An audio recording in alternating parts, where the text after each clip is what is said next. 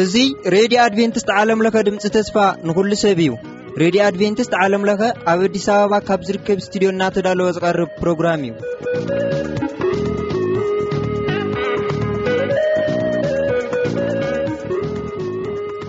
በብዘለኹም ምዃንኩም ልባውን መንፈሳውን ሰላምታና ይብጻሕኹም ንብል ካብዚ ካብ ረድዮ ኣድቨንቲስት ረድዮና። ወድኣዊ ሓቂ ዝብል ትሕዝቶ ኣቐዲምና ምሳና ጽንሑ።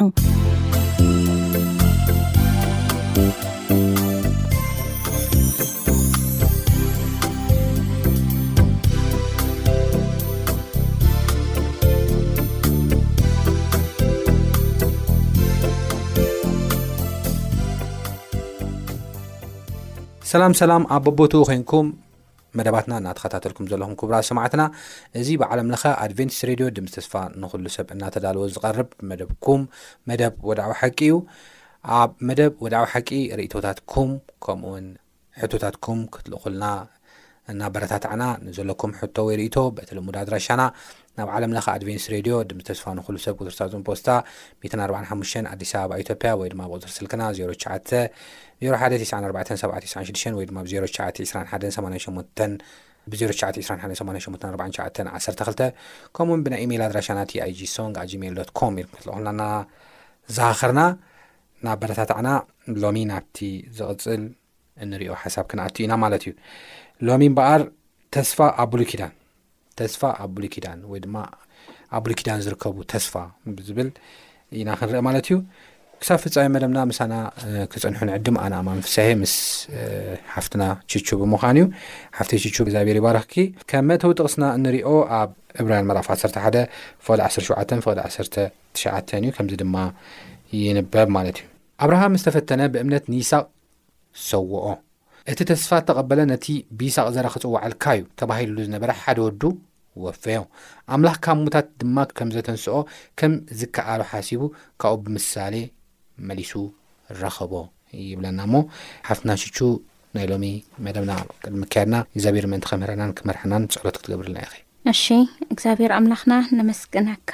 ተምህረና ስለ ዘለኻ ቃልካ ትገልጸና ስለ ዘለኻ ናብቲ ሓቂ ዘበለ ዝመርሕ መንፈስ ቅዱስ ምሳና ስለ ዘሎ ተመስገን እግዚኣብሔር ኣምላኽ እዚ ከዓ ሙሉእ ብምሉእ ቃልካ ክንገልጽ ከለና እግዚኣብሔር ነቲ መንፈስ ቅዱስ ዝህበና ጸጋ ዘምህረና ትምህርቲ ልብና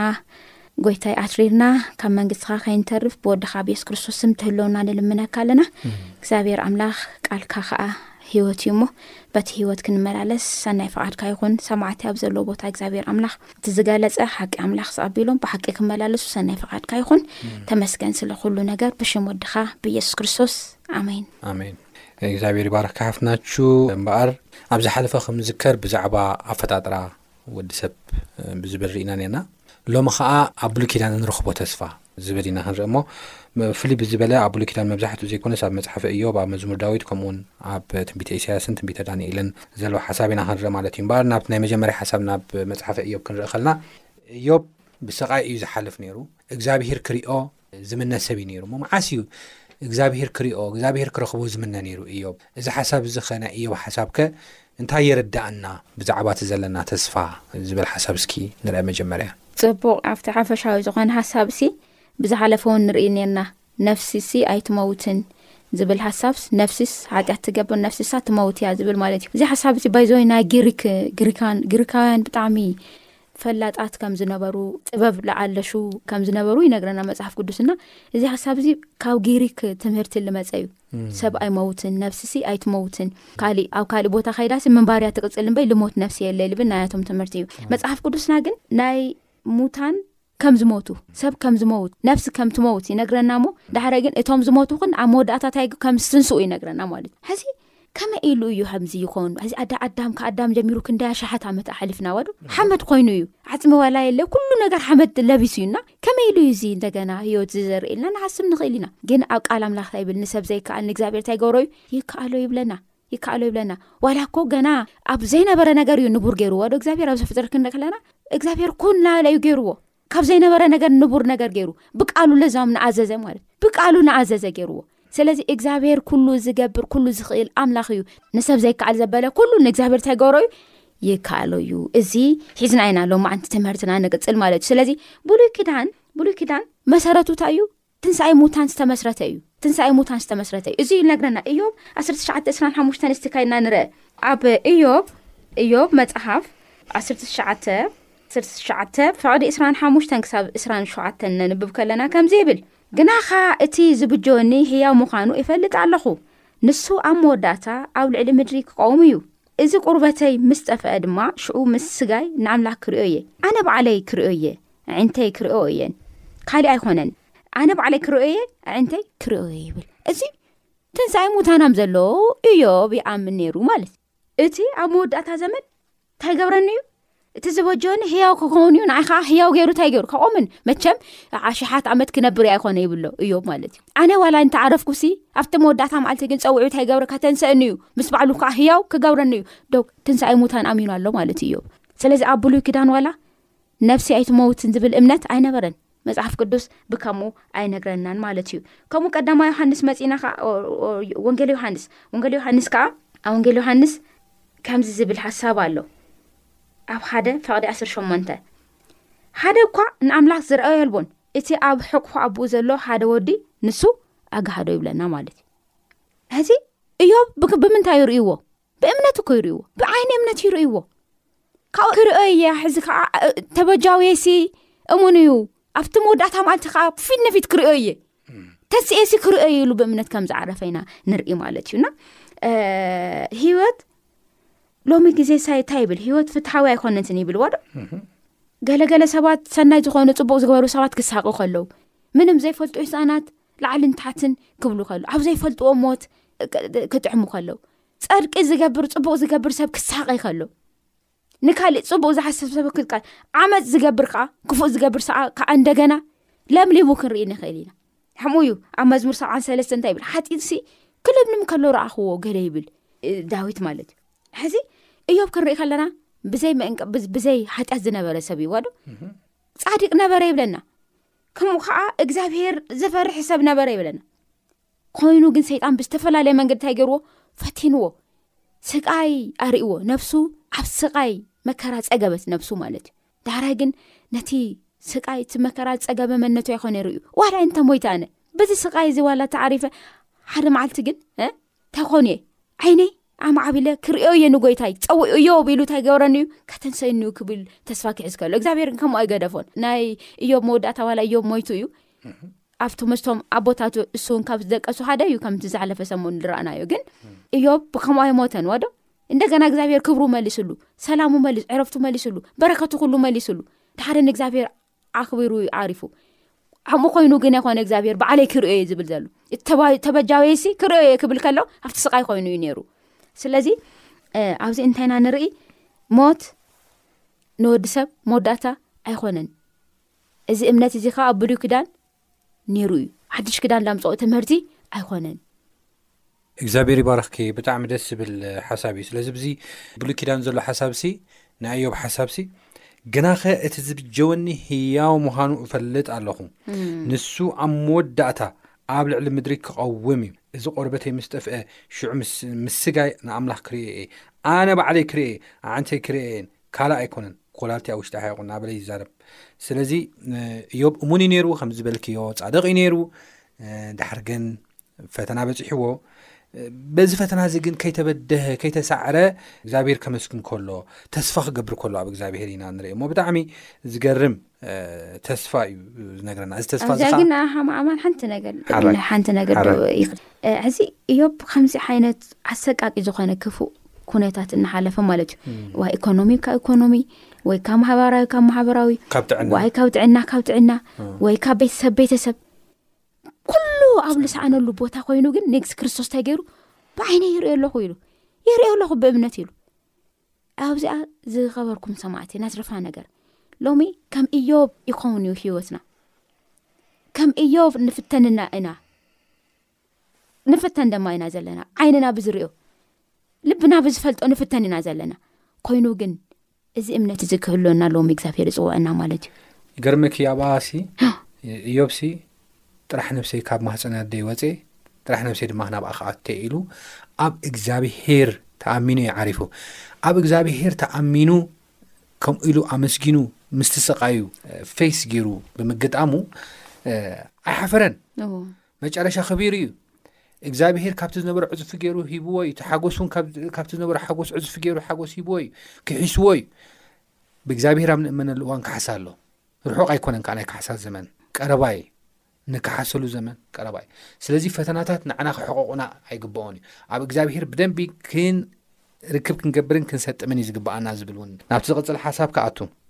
ናብቲ ቅፅል ሓሳብ ክኣቱ ከለኹ ብዙሓት ሰባት ሎሚ ኣብዚ ምድሪ ብዘለዎም ሃብቲ ብዘለዎም ክብረት ብዘለዎም ስልጣን ይምክሑን በቃ ኣለኒ ኢሎም ድማ ኣብ ካልእ ሰብ ግፍዒ ይፍጽሙን እዮም ንኣብነት ኣብ መዝሙር ዳዊት ምዕራፍ 49 ብዛዕባ እዞም ሰባት እዚኦም ይዛረብ ብፍላይ ካብ ቅፅሪ 6ዱሽተ ትሒዘ ከንብቦ ከለኹ እቶም ኣብ ገንዘቦም ዝውከሉ ብብዝሒ ሃብቶም ከዓ ዝምክሑ ዘለውስ ንሓዋሩ ክነብር ጥፍኣት ከርኢ ሓደ እኳ ንሓው ዝብጀዎ ጋር ነፍሲ ንኣምላኽ ዝህብሉ የልቦን ጋር ነፍሶም ክቡር ንዘልዓለም ከኣ ተሪፉ እዩ ጠየባን ከም ዝሞቱ ዓሻን ደንቆሮን ሓቢሮም ከም ዝጠፍኡ ገንዘቦም ድማ ንኻልኦት ከም ዝሓድግሎምሲ ክርኢ ደኣ እዩ ይብለና ስለዚ ዓሹ ኢሉ ይፅዋዕ እቶም ኣብ ገንዘቦም ዝብከሉ ካብ እግዚኣብሔር ምእማን ገዲፎም ኣብ ገንዘቦም ዝብከሉ ኣብ ሃብቶም ዝብከሉ ኣብ ክብሮም ዝብከሉ ኣይሓሹ ዋይ ቢኮዝ እቲ ገንዘቦም ሲ እቲ ዘለዎም ሃብቲ ሲ እቲ ዘለዎም ክብሪ ሲ ንካልኦት ሓዲጎምሎም ከም ዝኽዱ ንካልእ ገዲፎምሎም ከም ዝኽዱ ሲ መፅሓፍ ቅዱስ ይዛረበና እዩ ብጣዕሚ ዝገርም ነገር እዩ እሞ ዓብ ትምህርቲ ኣብ ዘምህረና ነገር ተሃለዎ እንታይ እዩ ኣብ እግዚኣብሄር ክንኣመንን ኣብ እግዚኣብሄር ክንውከልን ከም ዘለና እዩ ይቕፅል ኣባይቶም ንዘለኣለም ማሕደሮም ካብ ውልድ ወለዶ ከም ዝነብር ውሽጣዊ ሓሳቦም እዩ ንምድሮም በብስሞም ይሰምይዎም ኣሉ ግናኸ ሰብ ነተን ዝጠፋ እንስሳ እዩ ዝመስል ነተን ዝጠፍኣ እንስሳ እዩ ዝመስል። ከቢሩ እንተሎ ኣይነብርን። እዛ መንገዶም ዕሸነት እያ፣ ድሕሪኦም ዝመጹ ንባህሎም የስምርዎ። ከም ኣባጊዕ ኣብ ሲኦል ይነብሩ፣ ሞት ይጓስዮም። ንግሆ ቕኑዓት ይገዝእዎም፣ ውቃበኦም ኣብ ሲኦል ይጠፍእ፣ ማሕደር የብሎምን። ኣምላኽ ግና ይብለና፣ እቶም ብእኡ ኣሚኖም ብእኡ ተስፋ ገይሮም ዝነብሩ ሰባት ኣምላኽ እንታይ ክገብር እዩ? ክቕበለኒ እዩ። ንሱ ንነፍሰይ ካብ ኢድ ሲኦል ከናግፋ እዩ። ካብ ሓይሊ ናይ ሲኦል ከናግፋ እዩ። ሰብ እንተ ሃብተመ ክብረት እንተ ብዝሐ ኣይትፍራህ፣ ክብረቱ ኣስኣሰሩ ኣይወርድን እዩ እሞ፣ ምስ ዝመውት ገለ እኳ ኣይማላእን እዩ ይብለና ማለት እዩ። ሽሕ እኳ ብህይወቱ ነፍሲ እንተ ኣመስገነ፣ ንርእስኻ ሰናይ እንተ ገበርካላ፣ ሰባት እንተ ኣናደዱኻ፣ ንስኻስ ናብቶም ከቶ ብርሃን ዘይርእዩ ዓሌት ኣቦታትካ ክትከይድ፣ ምስትውዓል ዘይብሉ ሰብ ብኽብሩ እኳ ንትጠፍእ እንስሳ እዩ ዝመስል እናበለ ይገልጽ። ስለዚ ኣብዚ ሓሳብ እዚ ክልተ ሓሳባት እዩ ዝገልጸልና። እቲ ቀዳማይ፣ ደሜለ ከምቲ ዝበልክዎ ኣብ ምድራዊ ሃብቲ ምውካል ዕሽነት እዩ ዋይ ቢኮዝ ካብ ሞት እውን ክብጀወና ኣይክእልን እዩ ካብ ጥፍኣት ክብጀወና ኣይክእልን እዩ ዝብል ሓሳብ እዩ ዘሎ እቲ ካልኣይ ድማ ብእግዚኣብሄር ኣብ ንኣምነሉ እዋን ግን ብተፃራሪ ብእግዚኣብሄር ኣብ ንኣምነሉ እዋን ግን እግዚኣብሄር ካብ ኢድ ሲኦል ከም ዘናግፈና ካብ ጥፍኣት ካብ ሞት ከም ዘናግፈና ከም ዘድሕነና እዩ ዘርኢ ማለት እዩ ስለዚ እዚ ናይ ብሉይ ኪዳን ሓሳብ ብፍላይ ኣብ መዝሙር ዳዊት ምዕራፍ 49 ዘሎ ሓሳብ ብዛዕባ ምጻኤ ትንሳኤ ክርስቶስ ዳግም መጺኡ ከም ዘተንስኣና፣ ናይ ዘላለም ህይወት እውን ከም ዝህበና ኣብ ዮሃንስ ወንጌል ምዕራፍ ሽዱሽተ እውን ከም ዝረኣናዮ ዘርእየና እዩ። እዚ ነገር እዚ ግን ዝረኽብዎ መን እዮም? እቶም ዓያሹ ዘይኮኑስ እቶም ለባማት ብእግዚኣብሔር ተኣሚኖም ህይወቶም ዝቕጽሉ ከም ዝኾኑ እዩ ዝዛረበና ማለት እዩ። ምናልባት ኣብዚ ሓሳብ እዚ ሓሳብ ተሃሊኪ ክትውስኽልና ኢኻ ሓፍትና ቹቹ፣ ናብቲ ዝቕጽል ሓሳብ ግን ክኣቱ። ምስዚ ተተሓሒዙ መዝሙር ዳዊት ምዕራፍ ሰብዓን ሓደን ዳዊት ዝዛረቦ ነገራት ኣሎ እሞ መዝሙር ዳዊት ምዕራፍ ሰብዓን ሓደን እንታይ እዩ ዘምህረና? ዳዊት እንታይ እዩ እናበለ ዘሎ? ዝብል ሓሳብ ከኣ ሓፍትና ቹቹ ምስዚ ኣተሓሒዝ ክትውስኸልና። መዝሙር ሰብዓን ሓደን ካብ ሓደ እስካብ ኣርባዕተ ሰስቲ ሓደ ግዜ ነንብብ ከምዚ ይብል ዎ እግዚኣብሄር ኣባኻ እውከል ኣለኹ ከቶ ኣይትሕፍረኒ ብጽድቅኻ ኣናግፈንን ባልሓንን ኣዛንካ ናባይ ኣድንሞ ኣድሕነኒ ኩሉ ግዜ ዝሓድመሉ ከውሒ መሕደሪ ኩነኒ ከውሐየን እምባየን ንስኻ ኢኻ እሞ ንምድሓነይ እእዝዘካ ወእግዚኣብሔር ኣምላክ ተስፋይ ካባካ ንእስነተይ ጀሚርካ እምነቶይ ንስካ ኢካ እሞ ወኣምላክ ካብ ኢድ ረስእ ካብ ኢድ ኣመፀኛን ግፉዑን ኣናግፈኒ ካብ ከርሲ ወላዲተይ ጀሚረ ብኣካ ተደገፍኩ ካብ ማሕፀን ወላዲተይ ዝፈላልካኒ ንስካ ኢካ ምስጋናይ ኩሉ ግዜ ንኣካ እዩ ንብዙሓት መስተንክሪ ኮንክዎም ንስካ ግና ብርቱዕ መዕቆበየይ ኢካ ኣፈይ ምስጋናካ ኩሉ መዓልቲ ብክብርካ መልኦ ፀላእተይ ብዛዕባ ይዛረቡ ንነብሰይ ዘጸንትዋ ከኣ ሓቢሮም እናተማኸሩ ኣምላኽ ሓዲግዎ መናገፊ የብሉን ስለዚ ጎይኹም ሓዝዎ ይብሉ ኣለዉ እሞ ብግዜ እርግና ኣይትደብርየኒ ሓይለይ ክውዳእ ከሎ ኣይትሕደገኒ ወኣምላክ ካባይ ኣይትረሓቅ ወኣምላኸይ ንምርዳኣይ ፍጠን እቶም ንነፍሰይ ዝጻረርዋ ይሕፈሩን ይጥፍኡን እቶም ጉድኣተይ ዝደልዩውን ነውርን ሓሰርን ይከደኑ ኣነ ግና ኩሉ ግዜ ተስፋ ክገብሮ ንኩሉ ምስጋናይ እውን ክውስኸሉ እየ ቍጽሩ ኣይፈልጦን እየ እሞ፣ ኣፈይ ጽድቅኻን ምድሓንካን ኵሉ መዓልቲ ኬዘንቱ እዩ። ናይ እግዚኣብሄር ኣምላኽ ስልጡን ግብርታት ክነግር፣ ጽድቅኻ ናትካ ጥራይ ክዝክር እየ እናበለ ይቅጽል ማለት እዩ። ሕዚ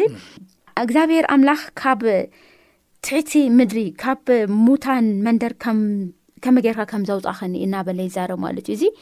ሓደ ካብቶም ዝመጹ ጸላእቲ እግዚኣብሄር ከመይ ገይሩ ከም ዘድሐኖ ይዛረብ ኣሎ እዩ። እቲ ካልኣይ ኸዓ ትንሳኤ ሞት ዋላ እንተሉ ክተተንስአኒ ዝብል ሓሳብ እውን ኣብዚ ክልቲኡ ይዛረብ ኣሎ ኣብ መዝሙር ሰብዓን ሓደ ማለት እዩና ኣብዚ ትሽዓንተ ክንርኢ ከለና እግዚኣብሄር ናይ ትንሳኤ ኣምላኽ ከም ዝኾነ ከም ዝተንሶ ኣርባዓን ትሽዓተን ርኢና ኢና እዚ ኣንቶብ ደኣናዩ ማለት እዩና ኣብዚ ሰብዓን ሓደን ከዓ እግዚኣብሄር ገዲፍዎ እዩ ኢሎም ብሓሶት ዝኸስዎ ዋላ ተልኦም እግዚኣብሄር ግን ተስፋ ከም ዝህቦ ናይ ተስፋ ኣምላክ ከም ዝኮነ ኣብዚ ቦታ እዚ ይነግሮም ማለት እዩ ኮይኑ ግን እዚ መዝሙረኛ እዚ ኣብ ፈተና ዋላ ኮይኑ ከሎ እግዚኣብሄር ኣምላክ ቅድሚኡ ማዕልትታት ከመይ ገይሩ ከም ዝተከናከኑ ከመይ ገይሩ ከም ዘምፅኦ ከመይ ገይሩ ከም ዝረድኦ ይዛረብ እዩ ዘሎ ይዛረብ እዩ ዘሎ ስለዚ ኣብ ሰብዓን ሓደን ፍቅዲ ሽዱሽተ ከምቲ ዝረኣናዮ ካብ ከርሲ ወላዲ ተጀሚረ ብኣኻ ተደገፍኩ ካብ ማሓፀን ወላዲ ዝፈለልካኒ ንስኻ ኢኻ ምስጋናይ ኩሉ ግዜ ንኣኻ ይብል እቲ በረኸቱ እግዚኣብሔር ከመይ ገይሩ ከም ዝሐለፎ እናቆፀረ ከሎ ኢና ንርኢ ማለት እዩ እግዚኣብሔር ዓለት ከም ዝኾኖ እግዚኣብሔር መዕቆቢ ከም ዝኾኖ ይዛረብ ይዝምር እዚ ኣምቲ ዝረኣናዮ ኣብ ሰብዓን ሓደን ሰለስተ ካብኡ መዝሙር ሰብዓን ሓደን እስራን ካይድና ክንርኢ ከለና ኣታ ብዙሕ ጭንቀትን መከራን ዘርእኻና መልስካ ህይወት ክትህበኒ ከም ብሓድሽ ድማ ካብ ማዕሙቅ ምድሪ ከተውፀኒ ኢኻ ይብል ማለት መልስካ ህይወት ትህበኒ ተድህነኒ ካብዚ ካብ ዘሎ ነገር ኩሉ እንታይ ትገብረኒ ተድህነኒ ኣምላኽ ንስኻ በይንካ ኢኻ ይብል ካብ ጭንቅን መከራን መልስካ እንታይ ትገብር ሂወት ትህበኒ ካብ ምድሪ መወዳእታ ምድሪ እታውፀኒ ኣምላኽ ምኳንካ ይነግረና ማለት እዩና ስለዚ ሕዚ ኣብዚ ነገር እዚ መወዳእታ ክንርድኦ ዝግባእና ነገር ነገራት ምንም ይኹን ምን እግዚኣብሄር ኣብኡ ኣሎ ይብለና። ዋላ ኣብ ሞት ድነ ሞት እንተ ኸድኩ ንስኻ ምሳይ ኢኻ ይብሎዶ ኣብ ካልእ ቦታ? ኣብኡ እግዚኣብሄር ኣሎ ይብለና። እሱ ብዛዕባይ ይሓስብ እዩ፣ እሱ ብዛዕባኺ፣ ብዛዕባኻ፣ ብዛዕባኹም እንታይ ይገብር እዩ? ይሓስብ እዩ ይብለና ማለት እዩ። ኣብቲ መጨረሻ ኸኣ ህይወት እንታይ ይገብር እዩ? እንተ ሞትካ እኳስ ህይወት እህብ እዩ። ስለዚ በቲ ህይወት ብዝህብ ብዝህብ ኣምላኽ እንታይ ግበር? ተኣመን፣ ኣብኡ ተስፋ ግበር። እንተ ሞትካ እኳስ እንታይ ዝገብር ኣምላኽ ኣሎ? ህይወት ዝህብ ኣምላኽ ኣዩልና መወዳእታ ከዓኡ እግዚኣብሄር ይኹን ይብል በዓል መዝሙር ኣብዚ እግዚኣብሔር ይባርኽኪ ብጣዕሚ መወዳእታኻ ኣብ እግዚኣብሄር ተስፋ ግበር በ ሰዕታ ነጥቢ ብጣዕሚ ደስ ዝበለትኒ እሞ መወዳእታና ኣብ እግዚኣብሔር ተስፋ ክንገብር ከለና እግዚኣብሔር ከምዘይሕፍረና ናይ ዝሎ መዓንቲ ናይ ቃል ግዜና እናስመርናሉ ዘለና ሓሳብ እዩ ዝኸውን ዘሎ ማለት እዩ እምበር ናይ ሎሚ ከዓ ቀፂለ ዝህቡ ሓሳብ ድማ ኣሎ እሱ ድማ እንታይ እዩ መጽሓፍ ቅዱስ ኣብ ብሉይ ኪዳን ሕጂውን ኣብ መንጎ ሓጢኣተኛታትን ኣብ መንጎ ጻድቃንን ዘሎ ዕጫ ናይ መወዳእታ ዕጭኦም ከመይ ከም ዝኸውን ይዛረብ እዩ ምናልባት ኣብዚ መሬት ክንርኢ ከለና ሓደሓደ ግዜ እቲ ሓጢኣተኛ ወይ ድማ እቲ ኣምላኽ ኣይኣመንን እየ ዝብል ብትዕቢትን ብእብሪትን ዝመላለስ ሰብ ተመችዎ ክንርኢ ንኸውን ኢና እቲ ንኣምላኽ ዝኣምን ሰብ ግን ክዕመፅ ክድፋእ ክጠፍእ ክፍረደሉ ከሎ ክንርኢ ንኽእል ኢና ነገር ግን እዚ ግዜያዊ እዩ ናይ ሰብዓ ናይ ሰማንያ ዓመት ጉዳይ እዩ ኣብቲ ናይ ዘለኣለም ዕጫ ግን መፅሓፍ ቅዱስ ዝዛረቡ ሓሳብ ኣሎ እሞ ኢሳያስ ምዕራፍ ኣርባዕ ፍቅዲ ሽዱሽተ ክሳብ ሸሞንተ ከይናም ንሪኢ ኣልዋን ብኣጠቓላሊ ኣብዚ መሬት ኣብ ዝነበርናሉ እዋን ከምዚ ኢሉ ይዛርብ ድምፂ ኣዋጅ ይብል ድምፂ ኣውጅ ይብል ሓደ ከዓ እንታይ ኢለ ክእውጅ በለ ስጋ ዘበለ ከም ሳዕሪ እዩ ኩሉ ክብሪ ከዓ ከም ዕምበባ መሮር እዩ ትንፋስ እግዚኣብሄር ነፊስዎ እዩ እሞ ሳዕሪ ይነቅፅ ዕምበባ ይቕምስል ብሓቂ እቲ ህዝቢ ሳዕሪ እዩ ሳዕሪ ይነቅፅ ዕምበባ ይቕምስል ቃል ኣምላኽና ግና ንዘለኣለም ይነብር ይብል እግዚኣብሄር ይመስገን ስለዚ ኣብዚ ምድሪ ክሳብ ዘለና ኩላትና ከም ሳዕሪ ኢና ከም ኣበባ መሮር ኢና ስለዚ ጠፈእቲ ኢና ነገር ግን ኪንዮ እዚ ሓደ ዘምህረና ቃል ኣሎ እቶም ብእግዚኣብሄር ዝኣምኑ እቶም ብየሱስ ዝኣምኑ ናይ ዘላለም ህይወት ከም ዝረኽቡ፣ መወዳእትኦም ደስታን ሓጎስን ከም ዝኸውን፣ ንብዓት ካብ ኣዒንቶም ከም ዝድረዝ መጽሓፍ ቅዱስ ብደንቢ ገይሩ እዩ ዝዛረበና። እቶም ብእኡ ዘይኣመኑ ግን መጨረሻኦም ጥፍኣት ከም ዝኾነ ይዛረበና ማለት እዩ። ሕጂ እውን ካብ ኢሳያስ ከይወጻኹ ኢሳያስ ምዕራፍ ዕስራን ሓሙሽተን ፍቕዲ ሸሞንተ ከድና ኣብ ንርእየሉ እዋን ብዛዕባ እቶም ጻድቃን ከምዚ ይብል። ኢየሱስ ክርስቶስ ዳግም ኣብ ዝምለሰሉ እዋን ከምዚ ኢሎም ክዛረቡ ከሎ ንርኢ። እዚ ኸረን እዚ ንኹሎም ህዝብታት ስዝጋርን መጋረጃን እቶም ንኹሎም ኣህዛብ ዝጉልብ መጎልበብን ከጥፍኦ እዩ። ንሞት ንሓዋሩ ኹሕጦ፣ እግዚኣብሄር ኣምላኽ ከኣ ንንብዓት ካብ ገጽ ኩሎም ክድርዞ እዩ። እቶም ብእኡ ዝኣመኑ። እግዚኣብሄር ተዛሪቡ እዩ እሞ ንሕስራን ህዝቡ ኣብ ኩላ ምድሪ ከርሕቆ እዩ። ንሕስራን ህዝቡ። ሕጂ ሓሲሮምዎ ዘለዉ ነገራት እቲ ሕስራን ከርሕቆ እዩ። በታ መዓልቲ እቲኣ ንሶም። እንታይ ክብሉ እዮም? እንሆ ኣምላኽና እዚ እዩ። ተጸቢናዮ። ከድሕነና እዩ። በታ ናይ። እተጸበናዮ እግዚኣብሄር እዚ እዩ። ብምድሓኑ ንተሓጎስ ባህ ይበለና ኢሎም ክዝምሩ እዮም ማለት እዩ። እቶም ሓጢኣተኛታት ግን። ኣብ ሚልክያስ ምዕራፍ ኣርባዕተን ፍቕዲ ሓደን ከምኡውን ኣብ ኢሳያስ ምዕራፍ ዕስራን ሽዱሽተን ኬድና ኣብ ንርእየሉ እዋን ዕጫኦም ይነግረና እዩ። ምዕራፍ ዕስራን ሽዱሽተን ኢሳያስ ኣብኡ ቁጽሪ ዓሰርተ ኣርባዕተ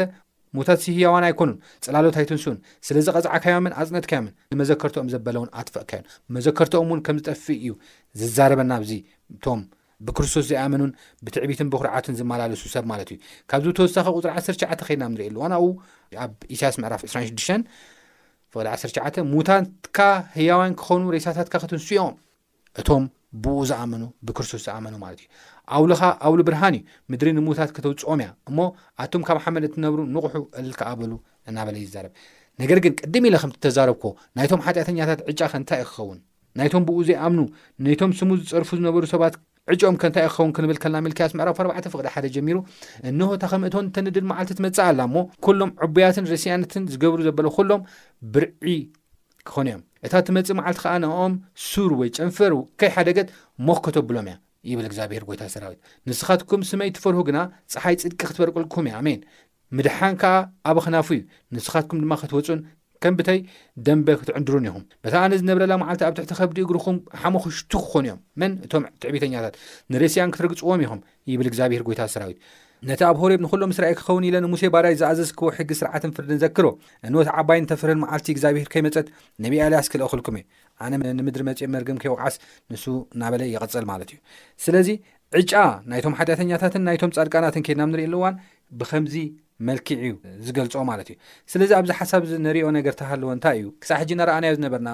መዝሙር ዳዊት ምዕራፍ ኣርብዓን ትሽዓተን፣ መዝሙር ዳዊት ምዕራፍ ሰብዓን ሓደን ትንሳኤ ከም ዘሎ እዩ። ትንሳኤ ክርስቶስ ኣብ መወዳእታ ክመጽእ እዩ። ነቶም ብእኡ ዝኣመኑ ድማ ናብ ናይ ዘለኣለም ህይወት ከተንስኦም እዩ፣ ነቶም ብእኡ ዘይኣመኑ ድማ ንናይ ዘለኣለም ጥፍኣት ከም ዘቕጽዑ እዩ ዝነግረና ማለት እዩ። እሞ ናብቲ ናይ መወዳእታ ሓሳብ ናብ ሓፍተይ ቹቹ ክንመጽእ ናብ ዳንኤል ምዕራፍ ዓሰርተ ክልተ ኢና ንመጽእ ዳንኤል ምዕራፍ ዓሰርተ ክልተ ናይ መወዳእታ ዘመን ኣመልኪቱ ዝዛረብ እዩ ዳንኤል ንብዙሕ ትንቢታት ምስ ተዛረበ ናይ መወዳእታ ጽሑፉ ዝተዛረቦ ነገር እዩ እሞ ኣብዚ ብዛዕባ ትንሳኤ እንረኽቦ ተስፋ እንታይ እዩ ትንቢት ዳንኤል ዓሰርተ ክልተ ካብ ሓደ ጀሚርና ክነንብብ ከለና ብዛዕባ ትንሳኤ ሙታን ይነግረና ከምዚ ይብል በቲ ዘመን እቲ ሚካኤል እቲ ምእንቲ ደቂ ህዝብኻ ዝቐውም ዓብዪ መስፍን ክትንስእ እዩ ሽዑ ዘመን ጸበባ ክኸውን እዩ፣ ከምኡስ ካብታ ህዝቢ ዝሃለወላ ጀሚሩ ክሳዕ እታ ግዜ እቲኣ ከቶ ኮይኑ ኣይፈልጥን። በታ ግዜ እቲኣስ ህዝብኻ ኣብ መጽሐፍ ተጻሒፉ ዝተረኽበ ዘበለ ክድሕን እዩ። ካብቶም ኣብ መሬት ምድሪ ደቂሶም። ካብቶም ኣብ መሬት ምድሪ ደቂሶም ዘለውሲ ብዙሓት ገሊኦም ናብ ናይ ዘልኣለም ህይወት ገሊኦም ከኣ ናብ ናይ ሕፍረትን ናብ ናይ ዘልዓለም ነውሪን ክበራበሩ እዮም እቶም ጠቢባን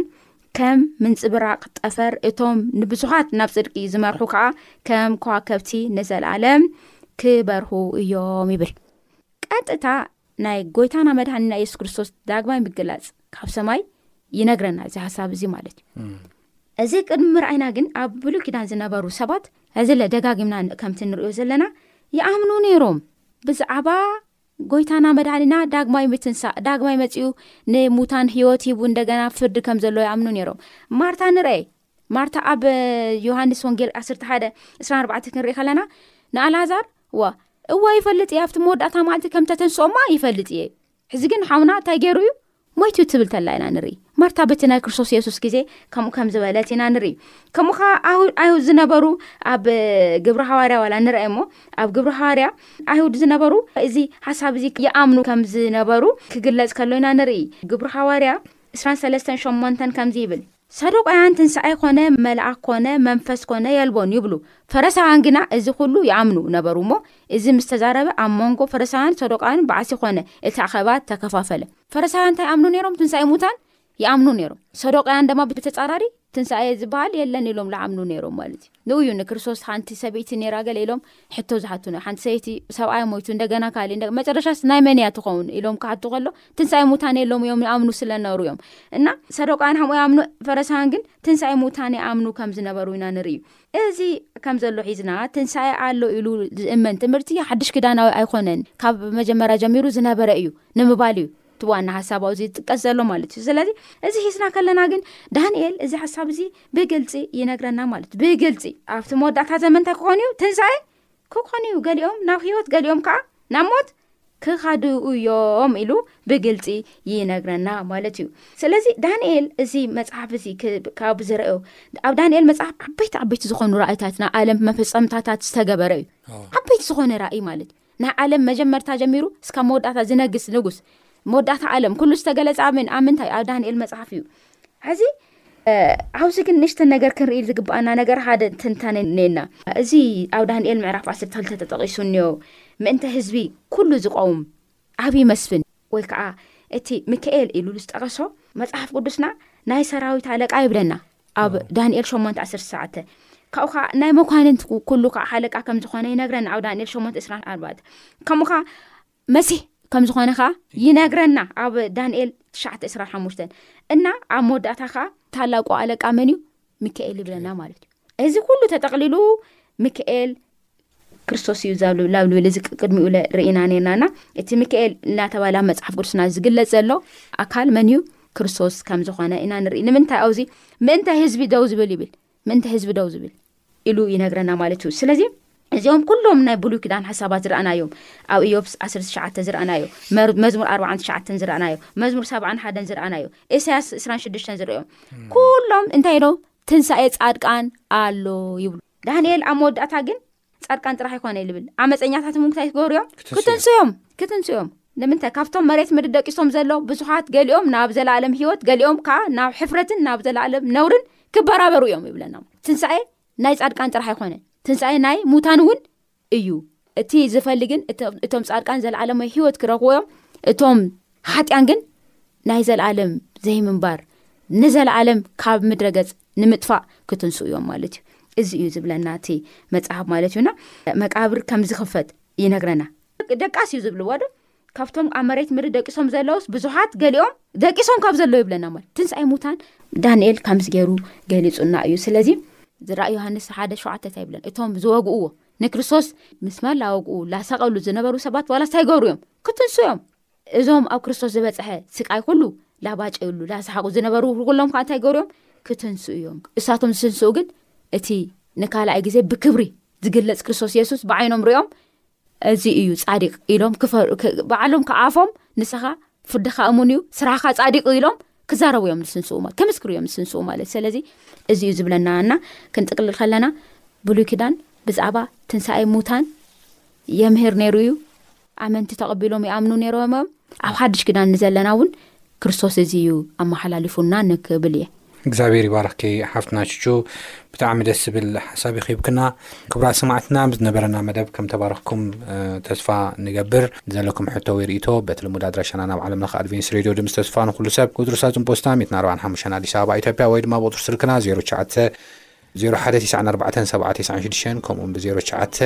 ዒስራን ሓደን ሰማንያን ሸሞንተን ኣርባዓን ትሽዓተን ዓሰርተ ክልተ ኢልኩም ክትልእኹልና እናዘኻኸርና ወይ ድማ ብናይ ኢሜይል ኣድራሻና እቲ ኣይጂ ሶንግ ኣት ጂሜይል ዶት ኮም ኢልኩም ክትልእኹልና እናዘኻኸርና ኣብ ዝቐፅል ብካልእ ክሳብ ንራኸብ ሰላም ኩኑ ጎይታ ይባርኩም